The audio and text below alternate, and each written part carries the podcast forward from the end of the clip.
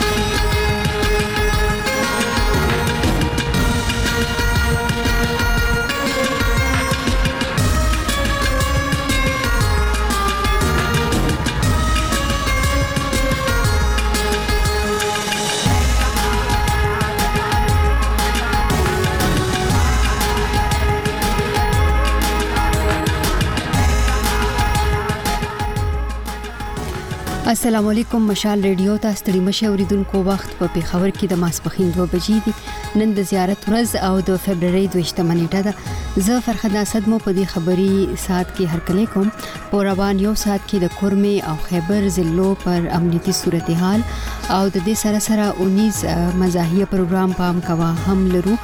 او تفصیلی لرو اوریدلې مهیروي خلومړی ورزو د دې سات خبرونو ته وړاندې کوونکی زموږ همکار ګل ایاز دی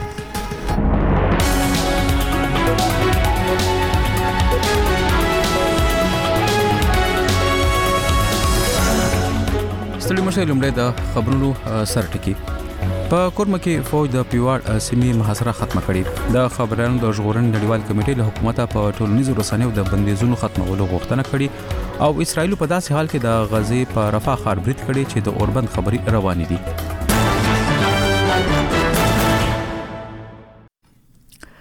د خبرونو تفصيل په کورمه کې د یو فوزي په وجنه کې مطلوب کسان حکومت ته تر سپارل کېدو وروسته فوج د پیواړ سیمې محاصره ختمه کړې ده د پیواړ ازای مشر او پخوانی صوبیدار ګلاب حسین پرون موږ ناوخته مشر الوتوي چې د مشرانو پنځه ویشت کسیزه جرګې د فرورۍ پر یوویشت مه د دوو ژوبلو په ګډون پنځه کسان د قانوني کاروایۍ لپاره پولیسو ته وسپارل. دا طرح غیر سوده چې د فرورۍ په پنځلس مه په پیواړ کې د ځنګل په سره د لانجې له وجې په نښته کې یو سرتیری وژل شو او دوه ولسی وګړي ژوبل شول له هغې پیښې وروسته فوځیان د کورمې پیواړ سیمې ته داخل شول او د سرتېري په وژنه کې د تورنو شپږو کسانو د نیولو غوښتنه یې کوله. حسین زیاتوي، کوم کسان له هغوی سره موجود ول، هغه یې حکومت ته وسپارل، خو یو کس لا هم غایب دی. د بره کورمې د پولیسو یو چارواکي نجف علي د فرورۍ په پنځلس مه ناوخته مشرانو ته وویل چې له ګیدو سیمې څخه په یو ټکټر کې ځینې کسان له ځنګله د لرګو وړلو لپاره تللي ول چې نښته وشوه. نوموړي ویل، کله فوځیان د نښتې درولو لپاره ورغلل، نو په ډزو کې یو سرتېری ووژل شو. د بر جنوبي ورسان اوسیدونکي وایي چې د یو شمیر ځایي کسانو د فوج په وینا د سړک په غاړه د ځنګلونو وهل پیل کړي دي د پښتون ژغورنې غورځنګ ځای مخکخ رحمت شاه مسعود پرون مشاړو دی چې د بر جنوبي ورسان په یو شمیر سیمو کې لتیرو درې میاشتو راځي د ځنګلونو وهل روان دي ځنګل ته ښکار کېږي. د روټ سره نږدې ناست شل لرې لرې لکه سو فوټ یا اکسو پچاس فوټ بیت یا لنډ شوي دي. نو دومره غټ روټ سره ځنګل لنډول دا خو نه په قانون کښې شته، په دې کښې تېړې شته، نسپار شته، ځلغوزی شته، بلخوا د هغې سیمې د ځنګلونو ادارې مشر وحدت زیشان مشالو ته ویل چې د بدامنۍ لکبلې یې فوج ته د سړک پر غاړه د ولاړ ونو د خاخونو تراشلو اجازه ورکړې و خو هغوی په غلطۍ سره یو شمیر ونی پرې کړې دي نو موري پر مشالو ته ویل چې د سرحدي ځواکونو مشر ته په دې لړ کې یو لیک هم استولې دي د پاکستان تحریک انصاف پی ټی آی په سند او بلوچستان کې له نورو سیاسي او مذهبي ګوندونو سره د اتحاد خبره کړې ده دا خبره د ګوند یو مخکښ او د قامي اسمبلی پخوانی سپیکر اسد قیصر نن د راولپنډۍ اډیاله زندان بهر خبرانو ته کړې نوموړي ویل چې دوی به تحریک لبیک پاکستان او نور ګوندونو سره ملاقاتونه کوي او خپل پلانونه به ورسره شریکوي اسد قیصر په مرکز کې د پاکستان پیپلز پارټي او مسلم لیگ نواز ترمنځ د حکومت جوړولو په اړه پښتنه راپورته کړه وی ویل چې د دوی خلکو ته لالچ ورکولو سره دغه ګوندونه په پنجاب او وفاق کې حکومت جوړوي دا په داسې حال کې ده چې پی ټی آی نوماندانو په عام انتخاباتو کې په آزاد حیثیت برخه اخیستې و او په قامي اسمبلی کې تر ټولو زیاتې څوکۍ ترلاسه کړې به خو د ځانګړي څوکو ترلاسه کولو لپاره سني اتحاد کونسل سره اتحاد کړي او په دې لړ کې انتخاباتو کمیشن ته درخواست هم ورکړي د پاکستان ځینې رسنیو خبر ورکړ چې د ټاکنو کمیشن نن یو غونډه رابللې چې په دې لړ کې به حتمی پریکړه کوي د خبرونو د ژغورنې نړیوالې کمیټې سی پی جی او په پاکستان کې د خبرونو د بشري حقوقو سازمانونو په د هغه هواد په یو شمېر برخو کې ټولنیز شبکې ایکس ته د خلکو د لاسرسي په محدودتیا اندېښنه څرګنده کړې سی پی جی د فروری پر 21مه په ایکس په خوا ټوئیټر نومیدا لیکلي هغه شبکه په پرله پسې توګه د پنځمې ورځې لپاره محدوده پاتې ده. سي پي جي زیاته کړه چې پاکستاني چارواکي باید ټولنیزو شبکو ته بې له ځنډه د خلکو لاسرسی ډاډمن کړي او د معلوماتو وړیا جریان ته اجازه ورکړي. د نېټ بلاکس په نوم یوې ادارې چې په نړیواله سطح د انټرنیټي چارې څاري، د فروری په یوویشتمه په ویاند کې په پاکستان کې د فروری له اوولسمې د ایکس د محدودیت تصدیق کړی. د پاکستان حکومت تر اوسه په دې اړه څه نه دي ویلي. اسرائیل نن د غزې په جنوبي ښار رفاه هوایي بریدونه پیل کړي دي دا دا لاغیر سوده چې اسرائیل ښار ته د فوجیانو د استولو غواخ وکړ چې شاوخوا 1.4 میلیون فلسطینیان په دغه سیمه کې پناه خسته ده نړیوال قدرتونه هڅه کوي چې د جګړې پای ته رسولو لپاره لار هواره کړي خو تر اوسه پورې نه دي توانېدلي خو تمه کیږي چې نن د امریکا یو استاذ اسرایل ته لاړ شي او د اوربند د ټینګولو هڅه وکړي په دې وروستو کې نړیوالې اندېښنې د غزا په سویلي ښار رفا تمرکز کوي چرته چې یو اشاریه څلور میلیون څخه ډیر خلک له نورو سیمو څخه د خپل کورونو پرېښودو ته اړ شوي او هلته په خیمو کې ژوند کوي او وروستی خبر د کرکټ درکو د پاکستان سپر لیګ یا پی ایس ایل په نوم د شل اوره کرکټ په سیالو کې نن اسلام آباد یونایټډ او کوټه ګلیډیټرز لوبډلې یو بل ته مخامخ کېږي. د فرورۍ په دویشت مه د لاهور په قذافي لوبغالي کې دا سیالۍ د پېښور پر وخت د ماسخوتن پر اوو او د کابل پر شپږ نیمې بجو پیلېږي. تر دې یو ورځ مخکې د فرورۍ پر یوویشت مه کراچي کینګز پېښور زلمي ته په اوو ویکټو او ملتان سلطانز لاهور قلندرز ته په پنځو منډو ماتې ورکړه. بلخوا افغانستان په درېیمه، شل اوریزه لوبه کې سریلانکا ته په دریو منډو ماته ورکړه پرون د سریلانکا په دمبلو خار په لوبغالي کې افغان لوبډلې لومړی بیټینګ وکړ او په ټاکل شوو شل اورونو کې د 15 لوبغاړو په سوزیدو 209 منډي جوړ کړې په جواب کې سریلانکا په د شپږو لوبغاړو په سوزیدو 200 او شپږ منډي جوړ کړې دا د مشالو خبرونه خبرونه مو زموږ د همکار ګل ایاس نه اورېده او څنګه چې مو وړاندې په خبرونو کې واورېد، د خیبر پښتونخوا په کورمه کې له پیواړ سیمې څخه پوځ پرون خپله محاضره ختمه کړې ده. دا اقدام تر هغې وروسته شوی چې ځايي قامي مشرانو تېره ورځ د یو پوځي په وژلو کې مطلوب کسان حکومت ته وسپارل. پوځ د فبرورۍ په پنځلسمه د یو سرتیري تر وژلو وروسته پیواړ ته داخل شوي وو او سیمه یې محاصره کړې وه. پوځ غوښتنه کوله چې د سرتیري په وژنه کې مطلوب کسان دې هغوی ته وسپارل شي خو ځايي جرګې پنځه کسان ورسپارلي او شپږم کس غیب شوی دی په دې اړه نور تفصیل د سیمینا طارق اورکزی راکوي په کورما کې د امنیتي اهلکار په وژلو کې مطلوب کسان حکومت ته تر وسپارل کېدلو پس پوز لا پیوړ سیمه خپل محاصره ختمه کړې ده د پیوړ ځای مشر او په خوانی صوبیدار ګلاب حسین مشال لډیو ته د زیارت پښپاویلی د مشرانو 25 کسیزه جرګې پر 21 جنوري ل شپږو کسانو درې مسجد وروسپارل چې داسې د دوو زخمیانو په شمول پنځه تنان یې د حکومت سره شول ځای مشر زیاتوي کم کسان چې کام سره ول هغه حواله کړل خو د پاتې یو تن ورکولو مطالبه په دغه پوره نکړې شو چې هغه تر پیښې پس لا هم غایب دی درې کسانو خپل بیګناه ثابت کولې لپاره خپلې مردې سره روغ لال ایمو کوم و د انجمن پترو ایکور می مشرونو پترو مو حکومت اویر کړل بلکې نن مو ته داخل کړو چې کومه محاصره و هغه او سخه او شخات شوه دوی کومه نپری و نپری ټوله کلوس کړه نو اوس خو پیر خال خبره امن ته لوړه دینه ورسته به څه خبرې وي هغه به په مذکراتو هغه به فیصل کوو په کورما کې پر 15 فروری د پیوړ ځینو کسانو مبینه پر پوځیانو هغه وخت برید کړی وو چې هغوی لا ګیدو په ورغلي ټریکټر تر ډزو پس د علاقې صورتحال او امنیت کابو ساتلو په خاطر سمدستي علاقې ته ورغلل په هغه پیښه کې یو امنیتي اهلکار مړ او د پیوړ دوه وګړي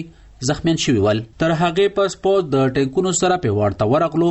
او هغلته ځینې کلي محاصره کړل که څه هم پوځ له سیمې وتلی خو ځای اوسیدونکی ابرار قاضي مشال لډیو ته وایي په سیمه کې د ملیشې ځواک عسکر لا هم هغلته موجودیت لري دی وخت کې اوس اور بیت کومه پیوړه لکی بان کړی هغه بالکل اور می واپس ولا کوم ټینکونه روسي هغه واپس کړی دي یو دوه ځو کې د کومه ملیشا دی هغه موجوده دی د ګیدو پیوړ منځ څه کوم میده کوټی دی رازغای دی د دې کې اوسه پورې ملیشا موجوده دی اوس بالکل کوم تاګ ارتاګ ولیار وی هغه کلاو شولې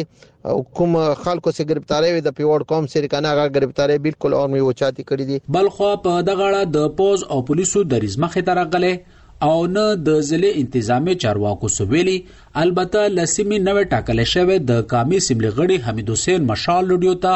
په یوشتم فروری ویلي پوز غوښتل چې د امنیتي الکار په وژلو کې مطلوب کسان دی ورکل شي خو د پیوړ مشرانو دا موقف وو چې د قانون مطابق خپل خلک پولیسو ته ورکوي حسین زیاتوي په سیمه کې تر جرګو پس دا ومنل شو چې مطلوب کسان دی پولیسو ته وروسپاري حمید حسین دا هم ویلي دا مسله د ځمکې په شخړه راپورته شوې نو غواړي چې په راتلونکي کې هم د هغې زر تر زره حل راوباسي دی باندې ریسنټلی کمیشن جوړ شوی او کمیشن فیصله کړې ده خو فیصله اوس امپلیمنټیشن ته پراته ده نو مخبل د هیب سره خبري شوې دي ان شاء الله هغه باندې به مو خبرې کوو هغه مطابق څه کمیشن فیصله دی هغه مطابق به دمو دا مسله حل کوو ان شاء الله دا به یو دیرین یو مسله ده دا به مو ان شاء الله حل تر رسو دا به مو حل کوو او د فیصله سره به مو دی علاقې کې امن راولو په کورما کې د پیوړ زینو کسانو لاګي دوه سیمه په ورغلې ټریکټر تر هغه ډزې کړې چې په متنازع ځای کې له خړې شګه په راوړلو بوخت وو د پیوړ خلک الزام لګوي چې په ټریکټر کې له متنازع ځنګله پرې کړل شوي لرګي راوړل کېدل په سیمه کې علیزو قوم له پیوړه تر خیروکوت پورې منطقه خپله بولي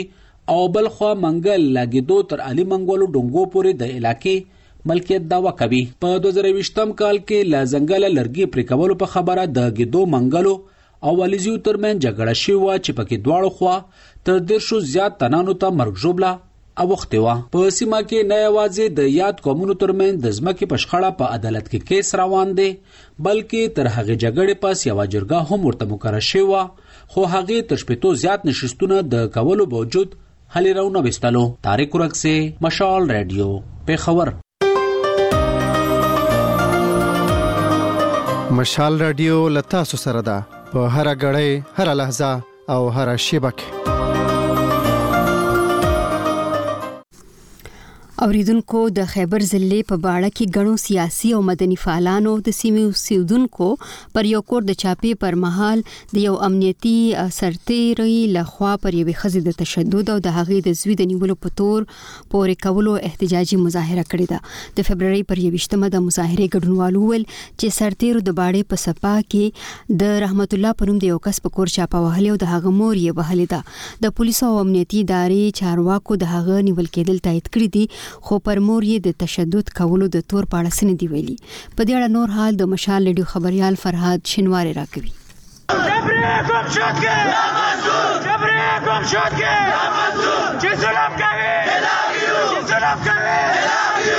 د فبرورۍ په یوویشت مه نېټه سیاسي او مدني فعالانو په باړه بازار کې یوه احتجاجي مظاهره وکړه. او دوی تور پورې کړ چې امنیتي ځواکونو په سپا کوم کې د رحمت الله په نوم تن په کور د چاپې په مهال د د په مور باندې تشدد کړی او په مخ یې گزارونه ورکړي د دغه احتجاج په موقع د باړې سیاسي اتحاد یوه عهدیدار زاهدالله پردي وویل. دا ډېر د ظلم سره مخ خلک دي، بم، دباکې، مټر ګولې، توپې، خودکش هر شی برداشت کړه، خو یو شی چې نه شي برداشت کولای هغه عزات دی، نو نن ځکه دومره روتېري ویلرو روان دي، خبره دا نه ده چې زه دهشتګرد یم او ته چپه وهې، خبره دا هم نه ده چې په موږ کې به فرق نه وي. خو په دا خوره په دا خیبر بالو ګرځي بالو واغه بالو ګرځي چې مای دونه بچی تختوي نو دا بالو دا بالو نن نه نه نو دا بالو ونه و چې دا ټریلیست اکټیویټي ان دغه لاج کول یو بل سیاسي مشر خان ولی پردي هم په دې موقع خپل غبرګون ښکاره کړ. حافظ صیب وې که مو مور بیزتی شوې رو تو تو خو مو په الفاظو کې یود کړې خو چې مو مور بیزتی کېده دا پختنه زه چا نه وکم دا مو مور نه روزله مړه دا خو هغه اوپریتې مور وه هغه اوپریتې مور وه. چې دغه لوپاټېلا دغه لوپاټېلا یې چا لوس رسېدو لوس په کټ کېدو او کا سټي ډیرو دا امو ایم ان اے امو ایم پی اے امو ډي سي امو ای سي ال استونه ویر کی چې دا تو په خورا کې تور خلک دي وانټډ خلک دي دا لستونه کومو دا ولا شي چې کم سړی کې خبره وا زبې یې تر ولم چې دا وخلا کغال و مړی کا کنو غل پیزه تیر پریا په دا طریقه را مو سم مزال روان کی د خیبر ضلعي پولیسو یوه چارواکي خپل نوم نه خپرولو په شرط مشال ریډیو ته تصدیق کړی چې د فبرورۍ په شلمه نیټه په باړه سپا قوم کې امنیتي ځواکونو د سیفل خان اپریدي نومي تن په کور د چاپې پر مهال د ده زوی رحمت الله پورته کړی او پلټنو لپاره یې وړی دی. د رحمت الله مور په سوشل میډیا خپرو شوو ویډیوګانو کې خلکو ته په خپل مخ باندې زخمونه ښودلي دي. دې ویلي چې زوی یې په باړه کې چنګچي رکشا چلوي او که په کوم جرم کې ککړ وي نو باید دوی ته یې جرم وښودل شي او عدالت ته دې وړاندې کړل شي. په خیبر ضلع کې مېشت د امنیتي ادارې یو چارواکي خپل نوم نه خپرولو په شرط مشال رېډیو ته ویلي چې رحمت الله امنیتي ځواکونو ته د بدامنۍ په یو شمېر پېښو کې مطلوب و، خو کورنۍ یې بیا دا تورونه نه مني او وايي خپله مزدوري یې کوله. فرهاد شینواری، مشال رېډیو، خیبر. دا مشال ریډیو د اوریدونکو د بر جنوبي وزیرستان اوسیدونکو وایي چې هلته زینو خلکو د پوس په وینا د سړک پر غاړه د ځنګلونو وهل پیل کړی دي خو د ځنګلونو د ژغورنې ادارې مخنیوي نه کوي بل خو د هغې سیمې د ځنګلونو ادارې مشر وایي چې د بدامنۍ لامل یې په واسطه د سړک پر غاړه د ولاړو ونو د خاخونو تراشولو اجازه ورکړې و خو هغوی په غلطۍ سره یو شمیر ونې پرې کړې دي نوموړی زیاتوي چې د پوځ ځایي مشر ته یې په هغه اړه لیک لیږلی دی او بل خوا یې د ونو په وهلو کې د ککړو کسانو خلاف اقدامات هم پیل کړي دي په دې اړه نور حال د سیمې نه د مشال ریډیو خبریال اشتیاق مسید راکوي د سویلي وزیرستان پر ضلعې اوسېدونکي ویايي چې د پوځ چارواکيو په وينا مقامي خلک د سړک په غوړه د قيمتي ونو ځنګل وهل لګيا کړي دي او د ځنګلاتې محکمې چارواکي يې مخنيوي د پوره څه هم نه کوي. د کوټکۍ سيمې نه د پښتون ژغورنې غورځنګ غړی رحمت شاه مسيد په دغي باره کښې مشال ريډيو ته ويايي.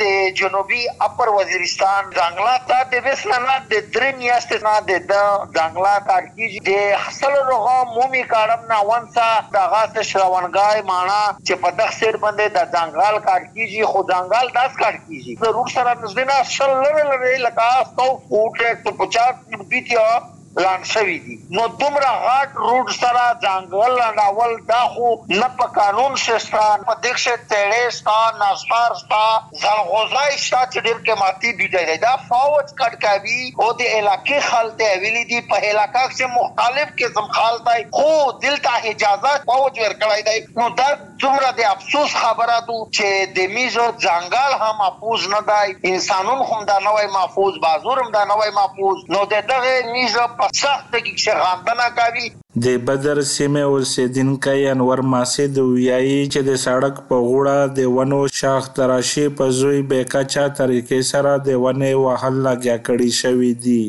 مین روډ دی کنه جنګل دی د مکین نه لګا داس روسې روسې په بدر سایډ ور خیسره ته روزي دغه روډ سکیم دی کنارې سي صرف دغه دی چې د حکومت ټول ټیم لیټر سوي دی پکښې باقاعده دا لیکلي دی چې اوس خو صرف د سخي نوې کټکوي نه کي چې ته پیرا ونه مو متوي خو دا ونې دا قسم روشري کړي دی چې په غارې باندې کټ کیږي نه کیم کټ کیږي دا خو بیا نه کیږي دا چې کیم د ورسره شري دی د جنګلاتو ختم شي نو دا په څار کنه چې کیم فارست ولا دي تو هیڅ ویتا روسی کنه کله جګلی نه سوی چې کله مطلب دی دا قسم کاټ کیږي. مشال رېډيو چې د سويلي وزيرستان ځنګلاتو محکمې مشر وحدت ذيشان مخې ته په سيمه کښې د سړک په غوړه د ونې وهلو خبره کښې شوه هغوي په ځوب کښې وويل. سار نواز ریکوست کړی وو چی حالات خراب دی سیکیورټی ریزنز د وجه نه نو د پکار وو چی مونږ ته د ډرونینګ اجازت ورکړی فوټو فوټی ونی وی شاخ ته راشی نو دوی شاخ ته راشی شروع کړه خو دی په منځ کی بیا څه کار شوی دی چی لوکلز را پاسیدلی څه ونی کټ کړی دی او سره خو هغه آرمی والا په غلطیانو په وجه باندی هغه ونی کټ شوی دی نو د آرمی والا خلاف چا ریپیر نشو کولی خو دا ری ما وکړل او آی جی ایف سی سره دا ری ما او زما کنزرویټر میټینګ وکړو هغه له پوکړه لیټری ورکړی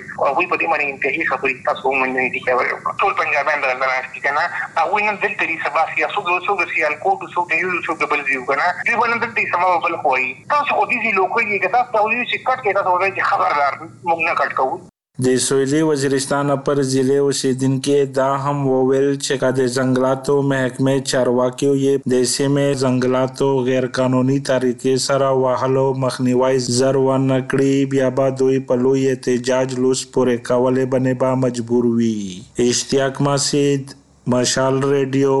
ډیره اسماعیل خان. دا مشال راډیو ده.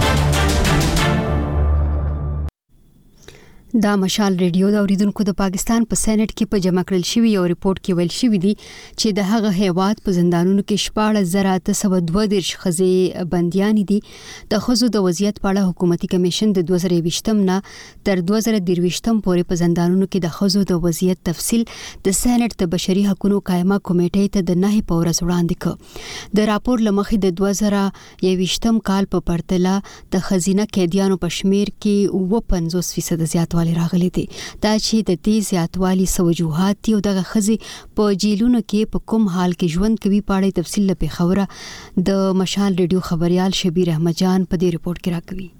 دغه رپوټ کې ویل شوي چې په کال دوه زره یوویشتم کې شپږ زره دیارلس ښځې، په کال دوه زره دویشتم کې پنځه زره اووه سوه او په دوه زره درویشتم کال کې څه باندې شپږ زره ښځې زندانونو ته راوستل شوي دي او دا وخت دا شمیره شپاړسو زرو نه اوړیدلې ده. رپوټ ښايي چې د کال دوه زره دویشتم پرتله کال دوه زره درویشتم کې د زنانو قیدیانو شمیره کې اووه پنځوس فیصده زیاتوالی راغلی دی. د دې زیاتوالي د اسبابو په اړه مو چې کله د زنانو د ښېګړې او حقونو لپاره کارکوونکې مدني فعاله او بیا په خیبر پښتونخوا کې د زنانو د وضعیت په اړه جوړ قامي کمېشن غړې امنه دراني نه وپوښتل نو دوی مشال لېډو ته وویل. د کوویډ نه پس خصوصي توګه باندې وګورئ نو ډېر زیات په دې غربت کې یو قسم له زیاتوالی راغلی دی. د غربت چې کوم ټولو کې زیات اثر کیږي هغه په ماشومانو او په دې زنانو کیږي ولې چې هغوی سره څه قسمه سکیلز نه یي دغه شان څه مهارتونه نه یي چې هغوی ځان د پاورټي یا د غربت چې کوم یو کرښه ده د هغې نه بره وساتي نو هغه خامخا به د ماشومانو د پاره خپل دې ګټلو د پاره به وځي بیا دکه شان زنانه چې کوم دي نو هغوی چې کله بهر وځي نو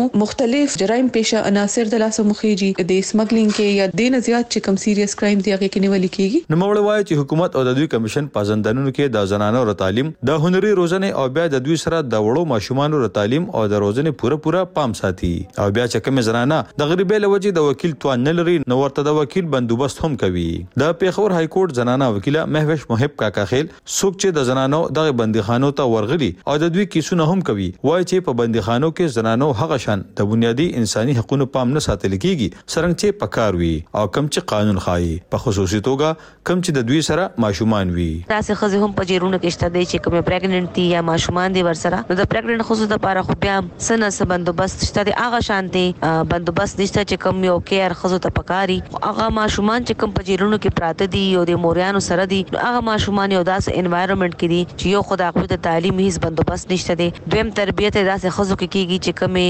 مجرمانې دي او قیدیانې دي په جیلونو کې نو د دوی نه به هم سبا لا یو غټ مجرمان که هغه هلکان دي او که جینکۍ دي هغه جوړیږي نو پکار دا ده چې دې کې ریاست یو خپل رول ادا کړي د دې ماشومانو د پاره که سکول بندوبست نی او سکول ته نشي لیږلی نو پکار دا ده چې نان فارمل ایجوکیشن بندوبست ورله وکړي دوی د پاره دا چې کوم انوایرمنټ دی دا ښه طریقې سره پریزنټ کړی شي ځکه چې دا ماشومان بیا چایلډ ایټ ریسک شو که دا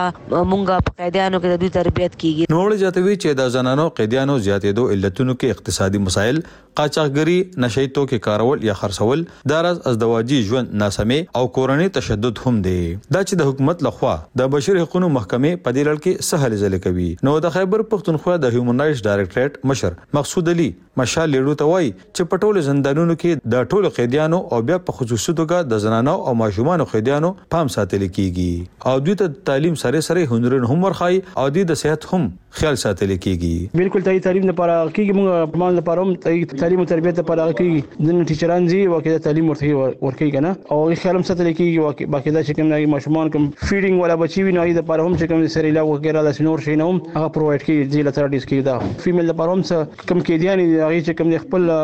غشته دي او چې کومي کنه د سلای کړای وغیرہ او انټرپرنور شپ اونته کې کار ورته هغه خې بالکل په دې باندې دغه رپورت چې د خزو د وضعیت په اړه ملي کمیشن د فروری په شلمه د پاکستان سېنېټ کې جمع کړي تر مخه تر ټولو زیات زنانه په پنجاب کې دي چې 14000 نه سیوا دي ورپسې د سن صوبې په زندانونو کې 3000 نه سیوا په بلوچستان کې 209 خزې او په خیبر پښتونخوا کې یو سل نور لس خزې په جیلونو کې بندیانې دي شبیر احمد جان مشال لیډیو پېښور. دا مشال ریډیو ده.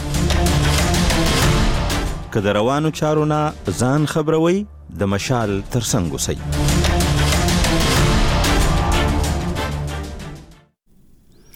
مشال ریډیو ته غوږی اوریدونکو د پاکستان صنعتکاران او سوداګر وای د روان مالی کال د سټیټ بانک شمیرې ښایي چې د پاکستان او افغانستان ترمنځ په لومړیو شپږو میاشتو کې یوازې 200 او شپېته میلیونه ډالرو تجارت شوی دی چې د هغوی په وینا ډیر کم دی پرون له مشال ریډیو سره د خبرو پر مهال دوی زیاته کړه چې د دې وجه په بیا بیا د تورخم او چمن دروازې تړل او تجارتي تګلارو جوړولو ته د دوه هیوادونو لخوا پاملرنه نه کول دي سوداګرو په پاکستان کې لنوي جوړېدونکي حکومت د دواړو هیوادونو ترمنځ د تجارت پراخولو، د زیاتو تجارتي لارو پرانیستلو او سوداګرو او د ګاډو ډرایورانو ته د اسانتیاو ورکولو غوښتنې کړې دي. تفصیل یې له غلام غوث نه اورو. د پاکستان او افغانستان د سوداګرۍ د شریکې خونې غړي او صنعتکار زاهدالله شینواري د فرورۍ په یوویشتمه نېټه مشال رېډیو ته وویل چې د تېر کال نه د تورخم او سپین بولدک تجارتي لارو په بیا بیا د تړلو په وجه د پاکستان او افغانستان ترمنځ د تجارت حجم مخ په کمېدو دی او په تجارتي پالیسیو باندې هم عمل نه کېږي. تجارتي روابط چې دي کنه پرمختګ لپاره څه کوششونه چې دي څه څوک هم نه کوي دواړه حکومتونه نه کوي لکه دې وجه باندې دا تجارت ډېر لاندې تللی دی. فاینانشل ییر ورته موږ وایو کنه جولای نه تر جونه پورې نو په اولنی نیم کال چې دی کنه په دې کې دوه سوه او شپېته میلیونه ډالرو تجارت شوی دی د سټیټ بانک مطابق نو دوه سوه او شپېته میلیونه چې دی دا خو ډیر زیات کم دی چې فوري تور باندې ټرانزیټ ټریډ اګریمنټ چې دی کنه دا دوباره خبرې وشي او دا نه وایې شي ان علاوه د چې کوم فري ټریډ اګریمنټ دی یا پریفرنشل ټریډ اګریمنټ دی په هغه باندې خبرې ضروری دی پوره چې شروع شي دغه سي د ډالرو د لارې چې کوم مشکلات دي کنه دغه سي چې کوم په کلدارو کې ایکسپورټ چې دی د پاکستان نزي په دې کې ځنې اټمې اچولي ځنې اټمې پکې نه پریدي د باجوړ یو ایکسپورټ کوونکي سوداګر حاجي لالي شاه وايي د پاکستان او افغانستان چارواکي دي د دواړو خواوو د ولسونو د ګټي په خاطر د صنعت او تجارت د پراخه کولو لپاره یوه کوټه دي تګلاره جوړه کړي. زمونږ التجا ده او دام درخواست دی چې د نوو حکومتونو د یو بل سره مذاکرات وشي او د آ غاړې او د دې غاړې مونږ یو ښه تعلق پیدا کړو د هغه تعلق په بنیاد باندې زمونږ دواړه اړخ ته تجارت کیږي د دې سره به زمونږ روزګار وضع دا ډیره زیاته کچې زه تاته اوس دا کونړ یادوم چې د کونړ څلور نیم پنځه لکه آبادي ده، په څلور نیم پنځه لکه آبادۍ کې ستا د ډیسپیرینګ یوه غولۍ نه ده پرته، دغلته ټول شیان چې راځي دا مندوستان نه د هغې میډیسن راځي، نو که زه وایم د ملکنډ ډویژن خصوصاً بیا د باجوړ له دې ایریا دا هلکان دا ځوانان زمونږ تش دا میډیسن هملته وړي، نو زمونږ به د دې سره مطلب د دې په زرګونو کسان چې دی دا به روزګار شي. د تورخم لاره د خپلې جغرافیایي اهمیت په وجه د پاکستان او افغانستان ترمنځ د تګ راتګ او تجارت لپاره تر ټولو لویه لاره ده. په دې هره ورځ زرګونه خلک او سلګونه مال وړونکې لارۍ تېرېږي. دا لاره د مرکزي او جنوبي اسیا هېوادونه هم د یو بل سره په ځمکنۍ لاره نښلوي. په افغانستان کې د طالبانو تر واکمنۍ او د هغې نه مخکې د جمهوري حکومت په دور کې هم د تورخم لاره په بیا بیا د سوداګریزو مالونو او خلکو د تګ راتګ په وړاندې تړلې شوې ده. د خیبر قبایلي ضلعې یو اېکسپورټ کوونکی سوداګر کلیم الله وايي، دوی د پاکستان د نوي منتخب وفاقي حکومت نه هیله لري چې دوی به د افغانستان سره سیاسي اختلافات راکم کړي او د تجارت د ودي لپاره به ګامونه پورته کړي. کلیم الله زیاته کړه، چي د تورخم او چمن د لارو نه علاوه نوري لاري هم شته او پکار ده په هغه لارو هم د تجارت لپاره سهولتونه قایم کړی شي. پاکستان او د افغانستان په دتجارت باندي دا سیاسي حالات هم لږ اثر انداز شوي دي کنه. یو خو دا دی بل که وګورې اوس هم په لارو کې شپږ شپږ اووه اووه لس لس ورځې دا ګاډي ولاړي نو په ټیم باندې ګاډي هم نه رسي په تورخم کې که وګورې دغه ټرمینل انډر کنسټرکشن دی نو دومره د ګاډو کپیسټي شته نه دی چې هلته ګاډي په وخت ورسي او کلیرنس یې وشي د لږو ګاډو ځای دی هلته. بلې خوا ته په بلوچستان کې د چمن په پوله د تګ راتګ لپاره د ویزې او پاسپورټ د شرط لازمي کولو په ضد د تېرو څلورو میاشتو نه احتجاجي پرلت روان دی، خو د پاکستان چارواکي دریځ لري چې دوی د پولې د منیجمنټ په نوم د یوه پالیسۍ په عملي کولو کار روان کړی دی او د سفري اسنادو نه بغېر به اوس د دواړو هېوادونو ترمنځ هېڅ قسمه تګ راتګ او تجارت نه کېږي. د پاکستان له خوا د افغان ډرېورانو لپاره د وېزې او پاسپورټ لازمي کولو شرط هم د پاکستان او افغانستان ترمنځ په تجارت بد اثرات مرتب کړي دي. تېره اونۍ د فرورۍ په اوولسمه نېټه د پاکستان او افغانستان د سوداګرو شریکې خونې هم د پاکستان او افغانستان ترمنځ د تجارت په کمېدلو د اندېښنو څرګندونه کړې وه او د دوی له خوا په خپور شوي یو بیان کې غوښتنه شوې وه چې په تورخم د زیاتو مال وړونکو ګاډو د بوج د کمولو لپاره دي د تجارت لپاره د غلام خان او خرلاچي لارې هم پرانیستلې شي. اوریدونکو په کورمه کې د یو پوځي په وژنه کې مطلوب کسان حکومت ته تر سپارل کیدو وروسته پوځ د پیواړ سیمې محاصره ختمه کړې ده د پیواړ ځایي مشر او پخواني صوبیدار ګلاب حسین پرون ناوخته مشال رډیو ته ویل چې د مشرانو 25 کسیزه جرګې پرون د دوو ژوبلو په ګډون 15 کسان د قانوني کاروایی لپاره پولیسو ته وسپارل د خبريالانو د جغورنې نړیوالې کمیټې سی پی جی په پا پاکستان کې د خبريالانو د بشري حقوقو سازمانونو د هغه هیواد په یو شمېر برخو کې ټولنیزې شبکې ایکس ته د خلکو د لاسرسي پر محدودیتونو اندېښنه څرګنده کړې ده او د پاکستان سپر لیګ یا پی ایس ایل پروم د شل اوره کرکټ په سیالیو کې نن اسلام آباد یونایټډ او کوټا ګلیډیټر لوبډلې یو بل ته مخامخې کی او اوس هم ورزو 19 مزاحیه پروګرام پام کوته دا پروګرام ستاسو لپاره امان الله ناصر جوړوي نو راځي چې وایو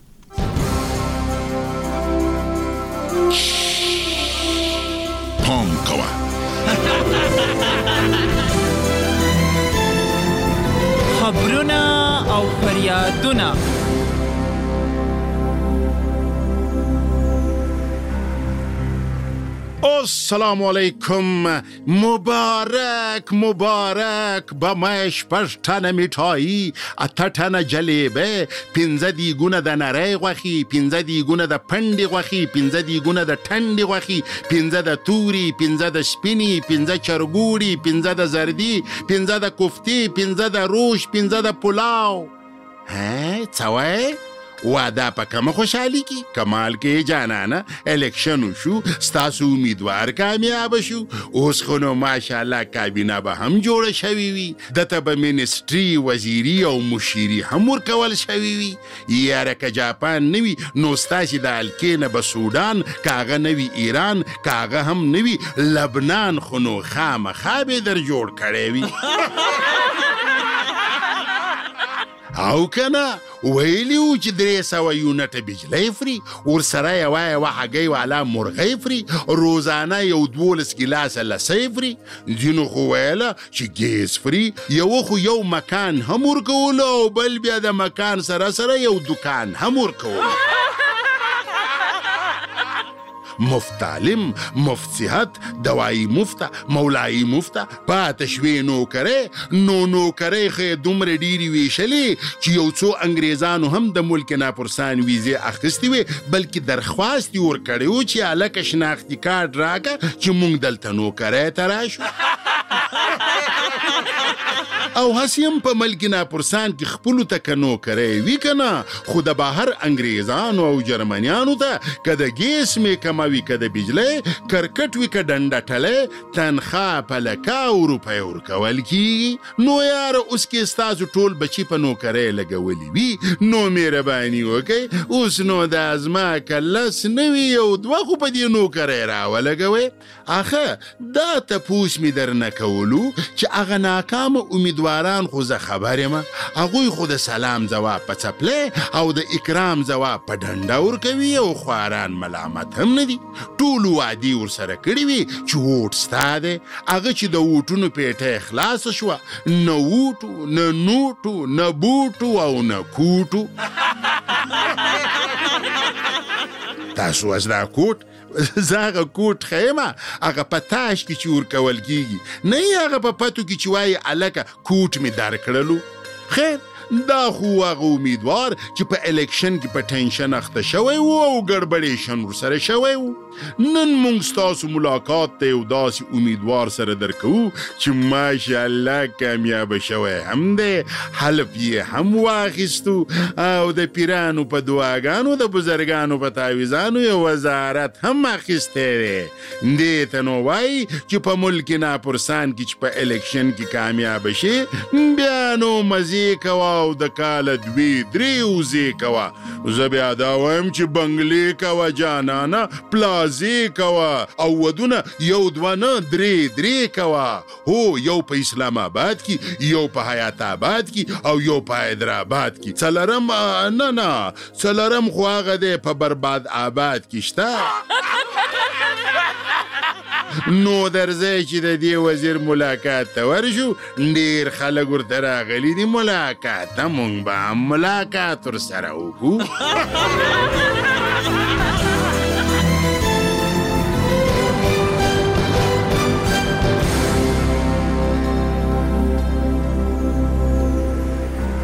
ګلنار خان شلو وزیر اوس به موړ شي هر فقیر هم به راوړي دی غوړي هم انګور او هم انجیر هم کوچه او هم پنیر ګل نار خان شلو وزیر زمون خان شلو وزیر ګل نار خان قدم بڑاوم تمہارے ساتھ کښینا کښینا مژړه اوس به ډیر خلک ژاړي الکه لري کې لري کې زمون خان زمون جانان ګلنار خان ته لار ورکه الک الک سپلری دوت کای چې د نظر نشي ای الک الک پټوګان والا دا سوشل میډیا ته ور کوما خان دا یو سلپی به سره واخلو خو اخر سکیټری دی یما خان رازه رازه خوش آمدید خرغ لاس جیه جیه گلار خان جیه جیه گلار خان جیه جیه گلار خان الک کینا څه شور دی جوړ کړی دی دا شور نه دی په زړګي باندې مې بړاس پروت دی پرې نږده چې د زړه بړاس وباسم د خان په الیکشن کمپین کې مې ډېرې نارې والي وي غاړه مې له بنده وتلې ده چې ماښام مې د خان د کامیابۍ دا واورېده درې ګنټې مې جړل په بستره کې هلکه ته ماته دا ووايه چي دا وزير خو زه شوم دا جړله تا ولي؟ خان اخر زه ستاسو سپورټر یم یاد دې نشي ستاسو ټولې جنډې او بینرې ما لګولې وي په کمبو بجلۍ څو جټکې راکړې وي پولیسو څو ډنډې راکړې وي نو څه یې ساندې کړی دی پیسې دې اخیستې وې روټیانې دې خوړلې وې خرچې مې درکړې وې دا څه وایې خان داسې ژر مه بدلوه ځان دومره ژر خو سترګې نه بدلوي توتیان ایم ستا ورکر ستا ورور عبدالمنان پیژنم دې مسټر عبدالمنان منان و که فنان عدنان و که جانان رضوان و که حنان سپین ګری و که ځوانان ټولو اخستی و ډالران خرڅ کړی مو خپل ځان پر ما مه کوئ احسان وزیر صاحب دا ټوله دي ستا ووټران دوی راغلي دي خواران درخواستونه یې راوړي دي په نوکري ور ولګوه بچان افسران نه چوکیداران چپړاسیان او ولې نه زما په موکمه کې دي پنځه سوه سیټان د هر یو خپل خپل قیمت په یو لاس قیمت په دې بل کې ملازمت په یو لاس د پیسو ټوکرې په بل نوکرې وروره صفا خبره ده دا د صفا صفا سوداګرۍ وزیر ګلنار خان صاحب زه خو به دې یاد یم اشپز شمشد هو ستاسو په انتخاباتو کې مې لس دیګونه پاخه کړي وو د کوفتو بالکل مې په یاد دي مفت خو دې نه و پاخه کړي آلوګان او پنډې وریجې به دې پخې کړې وې او پیسې به دې واخیستې د پلاو کورمه به دې پخه کړې وه د میخې او پیسې به دې چارجولې د چیلې په بریانه کې د کارغان نه و پاخه کړی یاره مکوه خان مونږ راغلی یو په ارمان څوک په خوي کارغان د دیګ سر کولاو پاته شوی و ورولېدلی و کارغان ولی بدنامه کوي اشپز شمشتو خان او اوس لاړ شئ انشاءالله په بل الیکشن کې به بیا ملاقات کی بل الیکشن خان جی څه مطلب مړې د قامي اسمبلۍ سیټ دی اسمبلۍ په اسلام آباد کې د نو هلته به زما کنه نه نو دا مونږ غریبانان به دلته څه کوو خان په اسلام آباد کې یو ښه نوکری راته وګوره که نه زه به مخکې روان یم او نارې به وهم او ته به د شا د خوا راپسې را روان د پروتوکول ضرورت خو هلته هم شته باډي ګارډ به دي شمه که نه پیدا مړه اسلام آباد څه ډیره ده که زمونږ فاټا او باجوړ دی چې شپېته شپېته باډي ګارډان به درپسې وي هلته خو شکر دی قانون شته ځکه خو د ټولو کډې په سر هلته منډې وای هلته د ګاډ څه ضرورت دی مړه پرېږده مڼې ته څه خبرې نن سبا خو په پارلمان کې هم کله کله حملې شروع شي بلکې بهر خو کاڼي وي هلته دوی یو بل په کرسو زرولي خدای مکه که په خان کرسۍ ولګېده او مړ شو بیا به زه څه کوم زه خو به په ژوند یتیم شم خان دا خو صحیح وایي په پارلمان کې د کرسۍ د پاره د کرسو جنګونه خو کیږي نه نو چې د کرسو جنګ شي دی به څه کوي خان زما جان پتا قربان دا څه وای که د ګولې جنګو د ګولې مخې ته به دی ودرېږم او که د کرسۍ جنګ شو کرکټ مې زده دی آل راونډر یم که د بل په نښه کولو بالینګ مې زده دی او که بل ته په نښه کړې کیچ مې زده دی ستاسو په خوا راتلونکې هره کورسۍ به داسې کیچ کم لکه د ساوت افریقې روس چې کیچ اخیستی و ښه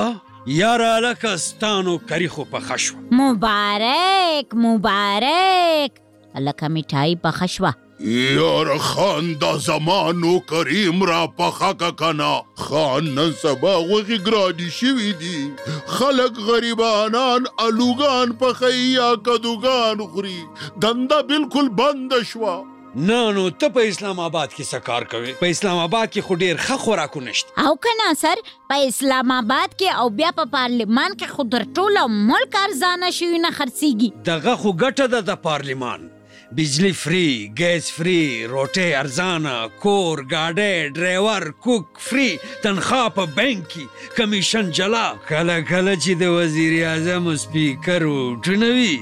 هلته خو نو په بوجه بوجه نوټونه وی. ځکه خو ټول روان دي هلته هلته ستا څه کار چاچا وای چاچا ستا لچا سرجی دی بستا د پارلمان باډي ګارډ وي زبا دا په ټي وي کې هم نن سبا جګړې کیږي په دې ټاک شوز کې انو چې پروګرام یې ګرد وړوړاو کړو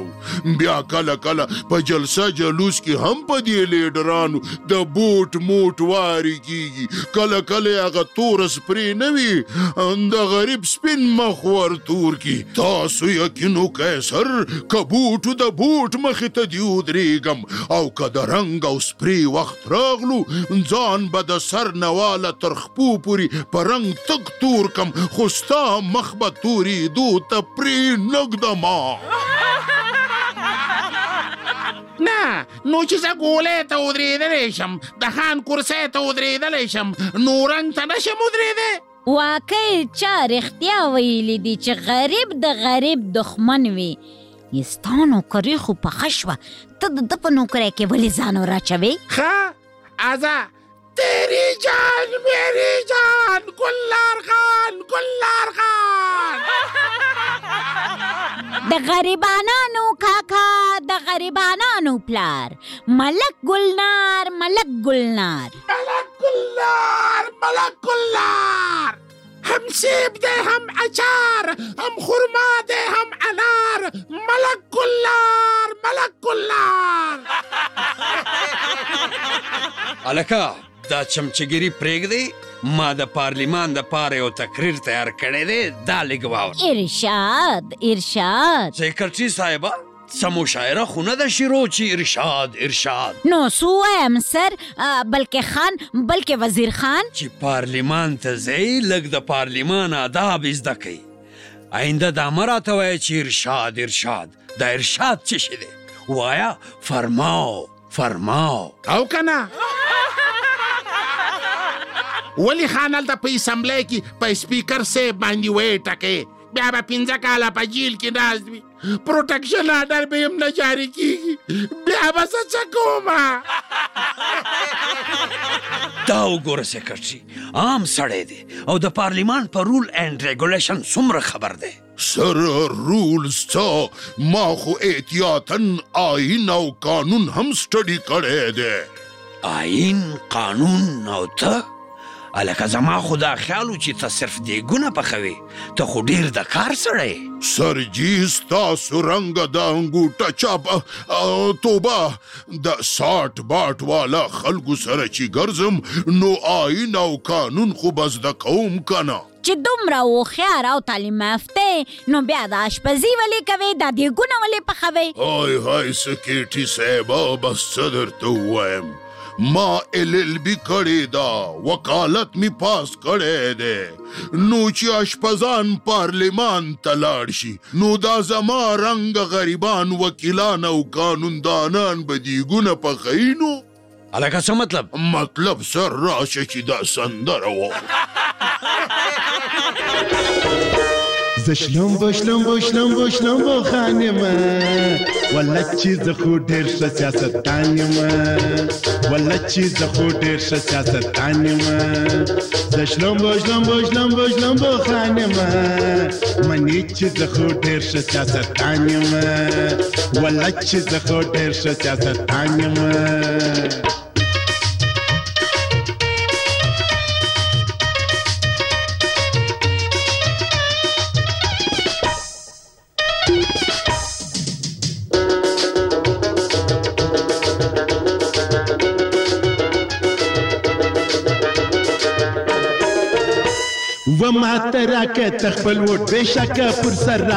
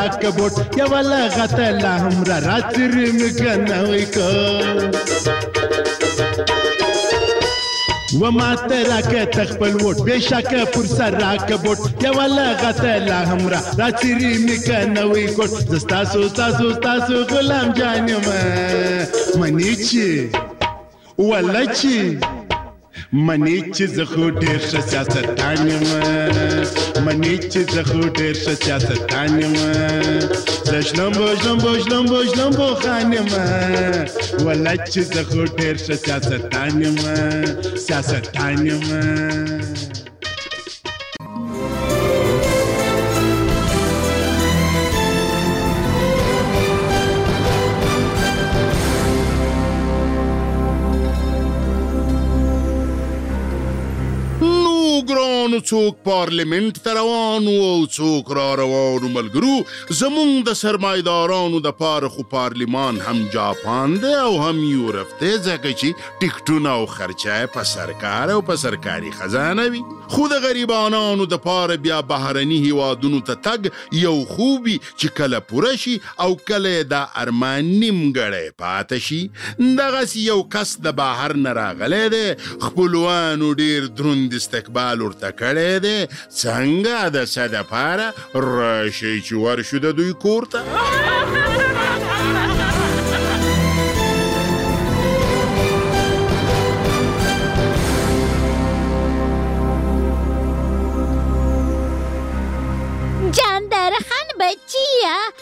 شي چې راغلی خپل وطن ته خپل وطن بیا هم خپل وطن وي خوارۍ دې ډېرې وکړې مسافرۍ دې ډېرې وکړې اوس نو خپل واده وکړه کور جوړ کا هو هو ولې نه ترور جانې خو د واده دپاره به تیاري هم کوم که نه مړه څه تیاري غواړي واده ستا دپاره څه ګرانه ده د بایرنا سونې او ډالرې به دې راوړي وي پاته شو چې نه نو هغه زما لور شاکه کو ناسته ده خه صرف ستا لور ناسته ده په کلي کې د جاندار خان د پاره خو هر څوک تیار دی د د دوستی ته زما هم څلور لوڼه سوارلس نوسیانې دي سامان هم ټول په ما نه سونې غواړم نه ډالر بس د واده په زما درې بچان دي هغه دي تیر کی تر باډر کاکا تاسو لیک زما خبره خو اورئ په خبره کې څه خبره بچی زما د بچی سره واده وکړه در سره بویه زه زما بچان خوشته نه چې در باندې تاوان کم بس ما در سره بوزه هلته به کار هم در کوم خدمت به هم در کوم اوه تروره نن سبا په بهر ملکونو کې ژوند ډیر ګران دی بچیه زه خبره یم خو بې له واده هم ژوند ګران دی داسې نه وي چې موږ در خبرېږو د یو میم سره دي واده نه وي کړی. نو څه خبره ده بچیه جاندار خانه زه خپله لور و لمسۍ په بنه هم ورکوم بلکې که دې دوې نورې کړې وي بیا یې هم درکوم. نه نه کاکا داسې خبره نه ده ما واده نه دی کړی بچیا چې داسې کارو نه کې نیکه او ورنیکه دې د فرنګیانو سره جنګېدلی ول او ته به فرنګی راولې وه کور ته نو په دې کې څه بده خبره ده ټوله دنیا نن سبا هلته ودونه کوي څنګه بده خبره نه ده فرنګې دا د تبې روټۍ پخولی شي چې نه شي پخولی سو شو کیک خوشته ډبل روټه خوشته په بازار کې برګر او پیزه خوشته غنا هغه دا زمون صوبت په خولای شي شملې جوړولای شي د غوا میخنه پیل وشلای شي تفریق د منه په یورپ کې هر څه په ډبو کې ملاویږي ځکه خو ما ته ډاکټر ویلی دی وای که امریکې او یورپ ته لاړې نو نه به دې ساه بندیږي او نه به دې شوګر لوړیږي ښه اوس پوی شوم د بچیو سره سره چاچا هم ځان تیار کړی دی لندن ته کاکا جانا ترور جانی زه حیران دی خبرې ته يم چې دا زمونږ ټول خلک بهر روان دي نو دا زمونږ ملک به چاته پاتې کیږي زه خپل هم را روان یم د یورپ نه ته دلته را روان یې پرېږده ماڼه خامخا مې خپل وخت برباد کړو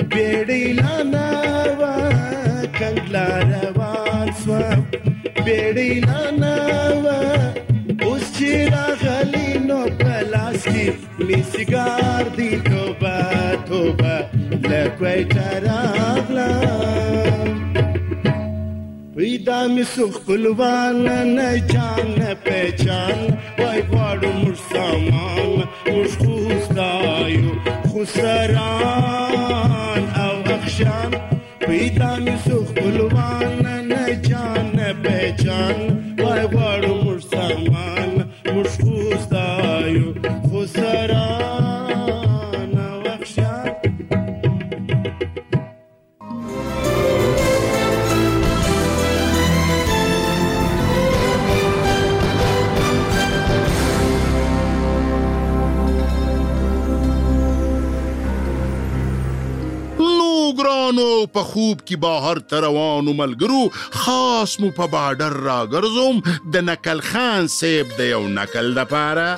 دا نکل د دوو سندرغاړو دی او سندرغاړي ولاړ دي عین د قاضي صاحب و مخته نکل څه دی قاضي څه وایي او دوی څه وایي راشئ چې ورته غوږ غوږ شو نکل خان صاحب